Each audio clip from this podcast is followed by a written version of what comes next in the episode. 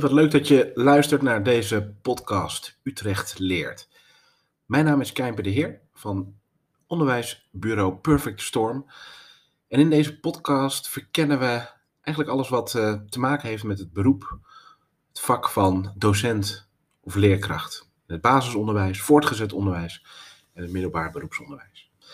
In deze podcast uh, verkennen we de aantrekkelijkheid van het uh, beroep van leerkracht of docent, samen met uh, experts, met docenten en leerkrachten uit het onderwijs, um, maar ook vooral uh, met jou. Dus deze podcast gebruiken we als een interactief medium om vooral ook met jou in gesprek te gaan, de verbinding met jou op te zoeken. En met jou bedoelen we ook vooral de mensen die op dit moment aan het kiezen zijn, zich aan het oriënteren zijn voor dat fantastische beroep van leerkracht of docent in het onderwijs. Deze podcast uh, hebben wij ontwikkeld in samenwerking met de Utrecht Leert Alliantie. En zullen wij wekelijks ten gehore brengen met elke keer weer een nieuwe gast of spreker met een interessant, inspirerend, aansprekend verhaal over het vak, beroep van docent en leerkracht in het Utrechtse onderwijs. Leuk dat je luistert.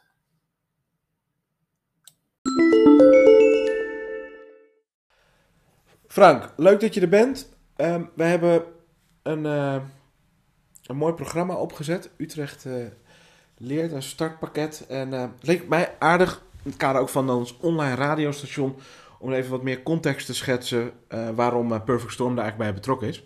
Jij bent toch wel een van de duwers, trekkers van dit programma vanuit Perfect Storm. Dus ik dacht aardig om even van jou te horen. A, wie je bent en B, waarom Perfect Storm hierbij betrokken is.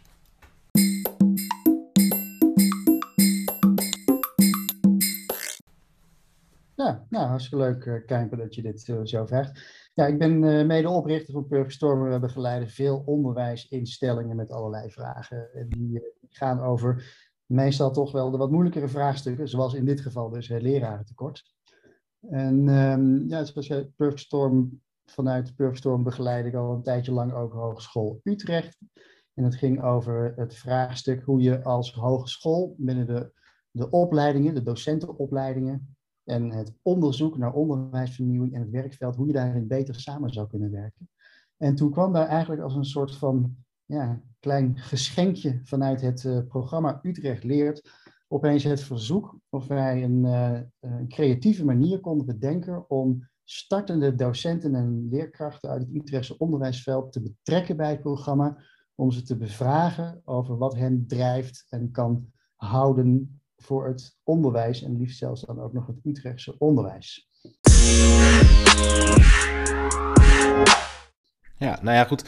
En er is natuurlijk ook wat een en aan de hand, hè? Want uh, je ziet toch ook wel dat veel startende docenten, leerkrachten op een gegeven moment uh, toch beslissen iets anders te gaan doen.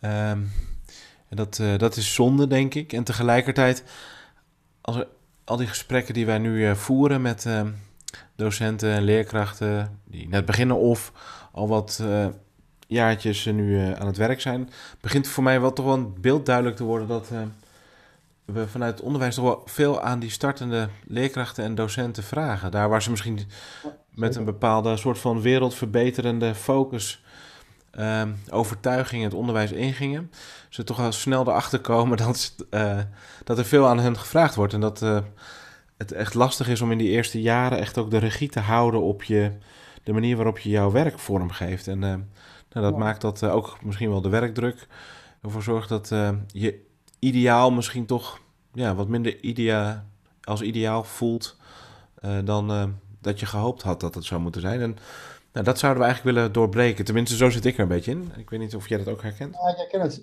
zeker. Dat komt ook uit de eerste bijeenkomst die we al gehad hebben met starters inderdaad. En um, ja, tegelijkertijd is het, als ik ook aan anderen vertel, krijg ik wel eens de vraag, ja, maar dat geldt toch voor iedereen die na een opleiding begint als te starten ergens in de sector. Het is toch voor iedereen lastig.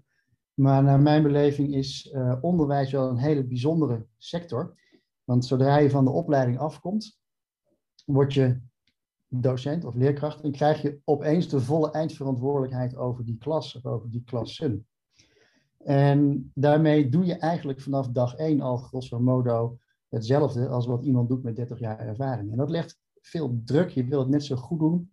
Hè, maar je bent ook nog zoekende. En je komt erachter dat de werkelijkheid iets anders is dan de, uh, ja, toch de, de setting dan toen je nog zelf student was. Dan zijn de, de belangen net toch even anders, minder hoog, met iets minder te maken ook met klassenmanagementstukken en zo. Met als gevolg inderdaad enorm veel werkdruk. En dat maakt het ook zo interessant dat wij dit project aan het doen zijn. Dat we, ondanks dat ze die enorme werkdruk hebben, uh, dat wij dan uh, aan hen vragen om ook nog mee te gaan denken in zo'n projecttraject als wat wij nu aan het doen zijn. En dat was voor ons best wel een uitdaging om een traject te bedenken wat ondanks dat zij het zo verschrikkelijk druk hebben en dat ze zoveel op hun bordje hebben gekregen, zeker in corona, het toch gaaf en leuk zouden vinden om hier aan mee te werken. Ja, en dat is wel aardig. Dat gaat dan over de deelname, de motivatie die we inderdaad merken. Terug uh, zien en voelen van de mensen die nu aan het programma uh, meedoen. Maar uiteindelijk het bredere perspectief op um, de startende docent, leerkracht, die um, nou ja, met vol enthousiasme start aan een mooi vak, mm loopbaan, maar toch op de een of andere manier in de eerste jaren ergens uh, mee geconfronteerd wordt, waardoor toch een andere keuze maken, uh, of een keuze maken om toch voor iets anders te kiezen. Uh, dat blijft wel een ingewikkelde, want uiteindelijk het onderwijs, vak, onderwijsinhoud, dat is wel iets wat, tenminste als ik voor mezelf praat, iets wat ik uh, altijd te gek heb gevonden. En ik merk dat ik die zelf, die ervaring, iets minder heb als docent. Want ik werk inmiddels toch ook al een jaar of. Jeetje, ik wil geen auto worden. Al een jaar of 15 als uh, docent. Um, en misschien is dat ook wel bij, hangt dat een beetje af van de context. Hè? Van ik startte in een particuliere hoger onderwijsinstelling.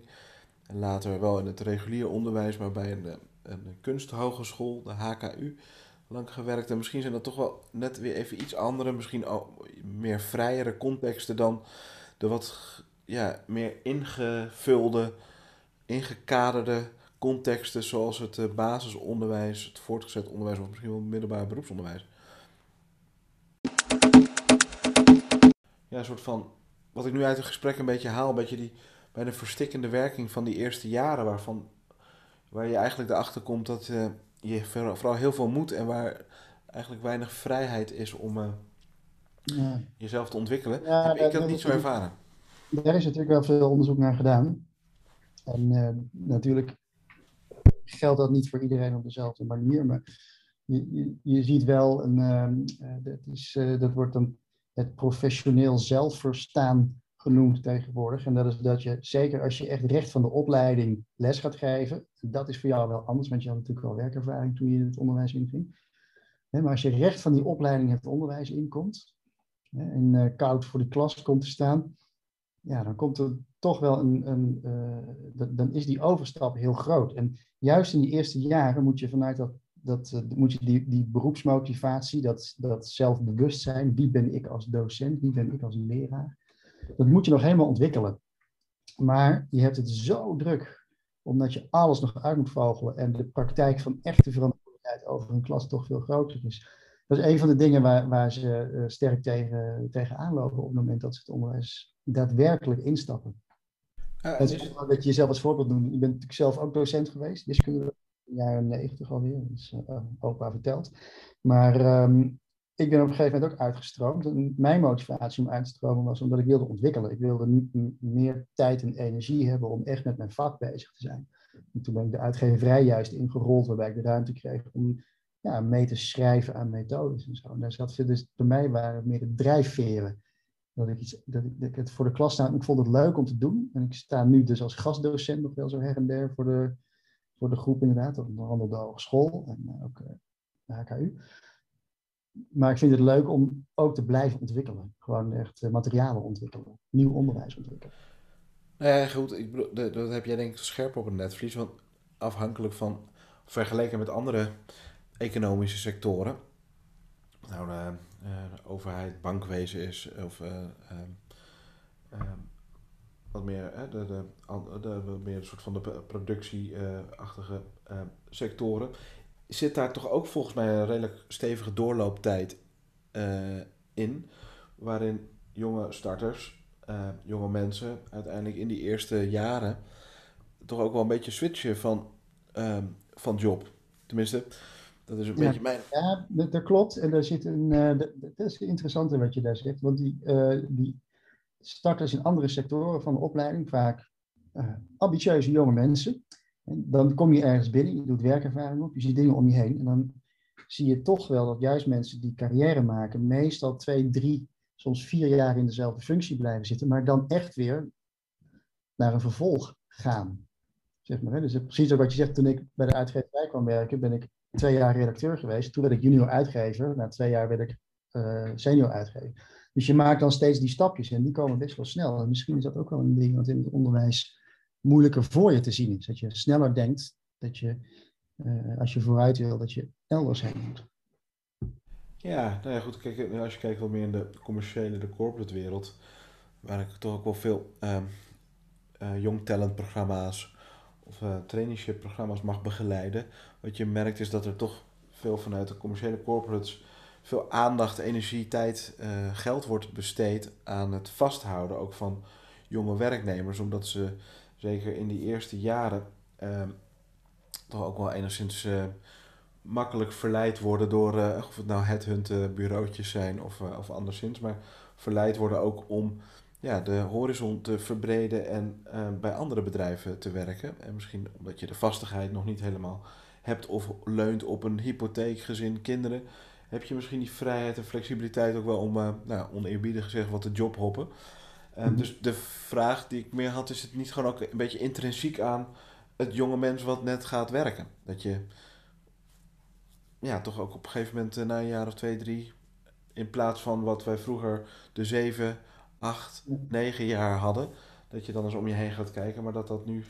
Ja, ja. ja dat zal voor een aantal zeker spelen. Sterker nog, er zitten dus in het panel wat we ook organiseren, waarmee we eens in de zoveel tijd bij elkaar komen, er zit één leerkracht die nu anderhalf jaar uh, bezig is. Die is inmiddels ook onderbouwcoördinator. Dus die gaat uh, lekker, zou je kunnen zeggen. Dat is een soort van aansturende positie. Er zitten geloof ik uh, iets van tien andere leerkrachten waar zij dan coördinator voor is. En die zei inderdaad op deze vraag heel duidelijk van ja, ik vind het ontzettend leuk om te doen, een onwijs gave wereld om in te werken en ik ga dit vijf tot acht jaar doen. En dan wil ik weer wat anders. En dus die heeft voor zichzelf al heel duidelijk die keuze gemaakt. Ik ga een aantal jaren in het onderwijs werken. Dus mensen die dus heel bewust met carrière en planning bezig zijn, daar kan dit zeker een motivatie bij zijn. Ja, terwijl denk ik ehm, het onderwijs natuurlijk hartstikke breed is. Ehm, en volgens mij het onderwijs, zoals ik het ken, juist ontzettend veel ruimte en mogelijkheden uh, bieden om jezelf te ontwikkelen. Op wat voor manieren en richtingen dan ook. Um, en in je docentschap denk ik dat je juist uh, ja, dus, uh, je ook echt enorm kunt ontwikkelen over tijd. Mhm. Ehm, en ik geloof niet dat het alleen maar um, soort van afhangt van de primaire uh, arbeidsvoorwaarden en of secundaire arbeidsvoorwaarden. Maar dat, het gaat volgens mij niet alleen over salaris en of uh, je functietitel. Maar nee. het gaat denk ik wel ook over. Uh, hebben we, denk ik, met z'n allen. geven we genoeg doorkijk en perspectief door de jaren heen hoe je je dan inderdaad kunt, eh, kunt ontwikkelen. is daar genoeg ruimte ja, voor? Er is de laatste jaren natuurlijk ook wel de nodige ontwikkeling in geweest. Hè? Dus uh, vroeger uh, was je gewoon docent en tegenwoordig heb je al die lerarenschalen. Hè? Leraar A, B, C of D. En als je uh, sowieso financieel, als je in 2 oh, leraar D bent, dan kun je je ook qua salaris behoorlijk doorontwikkelen. Waar, de, waar, de, waar, waar die een beetje schuurt is dat je als leerkracht in primair onderwijs met een, net, zo, net zo'n opleiding als iemand die in het VO werkt, wel echt een lager cao-salaris krijgt. En dat, daar schuurt hij wel. Maar ik merk ook, als ik erover praat, zeggen mensen, ja, dat, dat vinden we onrechtvaardig, maar dat is niet per se een belangrijke driver voor um, uh, ja, om, om wel of niet er te willen blijven werken. En, de, en, inmiddels is het ook wel zo.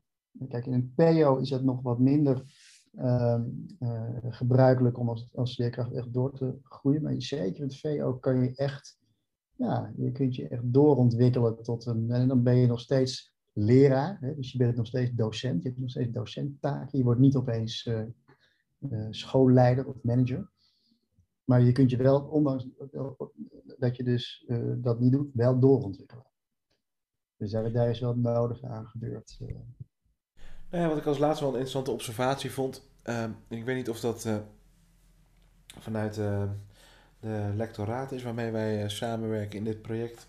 Ehm, maar het principe dat jonge docenten, leerkrachten eigenlijk niet per se in de eerste jaren dat ze ehm, bezig zijn met het ontwikkelen en uitvoeren van onderwijs ook deel zijn van de kenniscommunities, de netwerken die er zijn, de, ja, de, uh, de plekken weten te vinden waar je collega's ontmoet, waar je met elkaar ook in de periferie van het onderwijs, rond het onderwijs ook uh, inspiratie ophaalt. Ja. Uh, waarbij je, nou ja, zou ik zeggen, dat merk ik omdat wij natuurlijk vanuit Perfect Storm één op één gekoppeld zijn aan en ofwel zelf communities en netwerken opstarten. Maar juist daar ook de inspiratie echt uithalen. Alles wat gaat over, nou ja, onderwijs praat, praten over het onderwijs, maar juist ook weer in de communities en netwerken nieuwe ideeën rond onderwijsvernieuwing en innovatie. Uh, eigenlijk in die netwerken vooral weer de inzichten, de voeding ophalen die uh, tot zoveel inspiratie van, uh, nou, van je eigen onderwijs weer leiden. Ehm, ja. En dus daar zit het volgens mij uh, het ook vooral in. Hoe kan je het aantrekkelijk maken door interessante netwerken of toegang tot netwerken te verlenen, of de drempel om deel te nemen aan netwerken te ja. verlagen, zodat... Uh... En ook eigen netwerken hebben hè, als starter. Ja. Dat is, uh, die hoor ik ook veel terug in de, in de gesprekken nu de laatste tijd. Dat, je, dat mensen het fijn vinden om een, altijd een soort van achtervang te hebben, bijvoorbeeld sowieso om even te kunnen sparren, dat vinden ze heel fijn. Maar ook inderdaad om gelijkgestemden te ontmoeten die niet per se zeg maar, direct binnen de school werken waar je zelf werkt. Juist ook om ja, wat meer vrijer en opener ook te kunnen praten over de dingen die je heel moeilijk vindt of waar je tegenaan loopt. Wat tegelijkertijd ook wel weer iets zegt dat je dat dan blijkbaar nodig hebt om dat bij mensen te doen die niet bij op school werken. Maar in ieder geval, het, eh, het wordt zeker ook aangekaart, ja. Dus, dus wat zijn dan praktische tips waar je eens naar zou kunnen kijken? Even ook gegeven het feit dat onze luisteraars natuurlijk uh, startende docenten en leerkrachten zijn. Ik denk um, de Utrechtse Onderwijsimpuls is een, uh, een interessante om eens naar te kijken. Netwerk van docenten, teamleiders, schoolleiders, maar breed netwerk gestuurd vanuit de Utrechtse onderwijsimpulsregeling, waar heel veel projecten starten die wat op het snijvlak van onderwijs, innovatie, vernieuwing zitten. Maar dat is ook uh, zeker in de infrastructuur van sessies, bijeenkomsten en conferenties die worden georganiseerd. Een mooi om eens op aan te sluiten. Uh, je hebt geloof ik de Utrechtse, heet dat de tafel van 30? Ja. Initiatief waar ook redelijk laagdrempelig je kunt aansluiten en uh, met elkaar in gesprek kunt gaan over actuele, interessante, relevante thema's en onderwerpen. Nou, zo zijn er uh, veel, veel netwerken of initiatieven waar je op kunt aansluiten. Soms heel onderwerpspecifiek. Uh, nou, wat momenteel natuurlijk erg actueel is, is het sterk techniekonderwijs. Dus je ziet rond eh, STO of dat sterk techniekonderwijs dat er toch ook weer regionale en lokale communities ontstaan uh, waar je op kunt aansluiten, maar dan weer gekoppeld aan een onderwerp. Nou, in dit geval dan techniekonderwijs of technologieën en onderwijs. Um, dus dat is volgens mij wel de tip om um, echt actief op zoek te gaan naar netwerken, je daarbij aan te sluiten. Um, ja. Want dat kan zo inspirerend en verrijkend werken op uh, nou, jouw werk als docent en leerkracht. Ja. Ja, zeker. En het is ook, dat, dat leren we ook uh, je noemde al het lectoraat uh, organiseren van verandering in het onderwijs, waar we samenwerken. Die, de lector, Christine van Lommel, die gaf daarbij ook aan dat je, de, dat je, in dat, dat je die professionele identiteit moet ontwikkelen, juist in die eerste jaren. En dat je daar juist anderen voor nodig hebt. En door het werk zelf is natuurlijk eenzaam in de klas. En dan voor die ontwikkeling, voor die reflectie, heb je anderen nodig. En als we dat goed kunnen organiseren, dat de juiste mensen zijn, dat het over de juiste thema's gaat, dat er dingen zijn die juist hen motiveert en inspireert, dan, eh, ja, dan zijn ze in ieder geval ingebed. Hè? Dan heb je het gevoel van erbij horen. Dat is natuurlijk gewoon uh, super belangrijk voor, uh, om ergens je ook prettig te voelen. Hey, misschien even afsluitend, want dan zitten we zo lekker een half uurtje met elkaar te praten. Ja. Wat even aankomende periode, wat is iets waar jij naar uitkijkt? Wat, waar heb je zin in binnen het Utrecht Leerprogramma? Nou ja, we hebben, er was ons gevraagd, kunnen jullie een onderzoeksprogramma opzetten wat ook voor de startende leerkrachten gewoon heel zinvol en leuk is om aan mee te doen, waar ze graag bij zijn. En daarom sluiten we ook aan bij een onderwijsfestival op een camping, waarbij in hele grote tenten allerlei uh, sessies, bijeenkomsten plaatsvinden, maar waar ook allerlei andere vertier is, allerlei andere workshops. Het kan gaan van uh, capoeira tot aan slagwerk en s'avonds een silent disco. Maar juist ook overdag met mensen van verschillende scholen van gedachten wisselen. Hoe kan je nou je eigen werk in het volgende jaar, waarin je nog steeds starter bent. We hebben de mensen die daar komen, die net vers van de opleiding komen. Hoe kun je nou vanuit een festival de goede energie opdoen om in het nieuwe jaar gewoon met, ja, met, met, uh, met goede, frisse moed van start te gaan. En daar kijk ik enorm naar uit, omdat we daar al ideeën voor opgedaan hebben die echt uh, bijzonder leuk waren. En uh, ja, daar gaan we nu vorm aan geven. En dat gaat 5 en 26 augustus plaatsvinden. Ja, en uiteindelijk op utrechtleert.nl, daar vind je ook een overzicht uiteindelijk van alle activiteiten die gepland zijn de aankomende periode.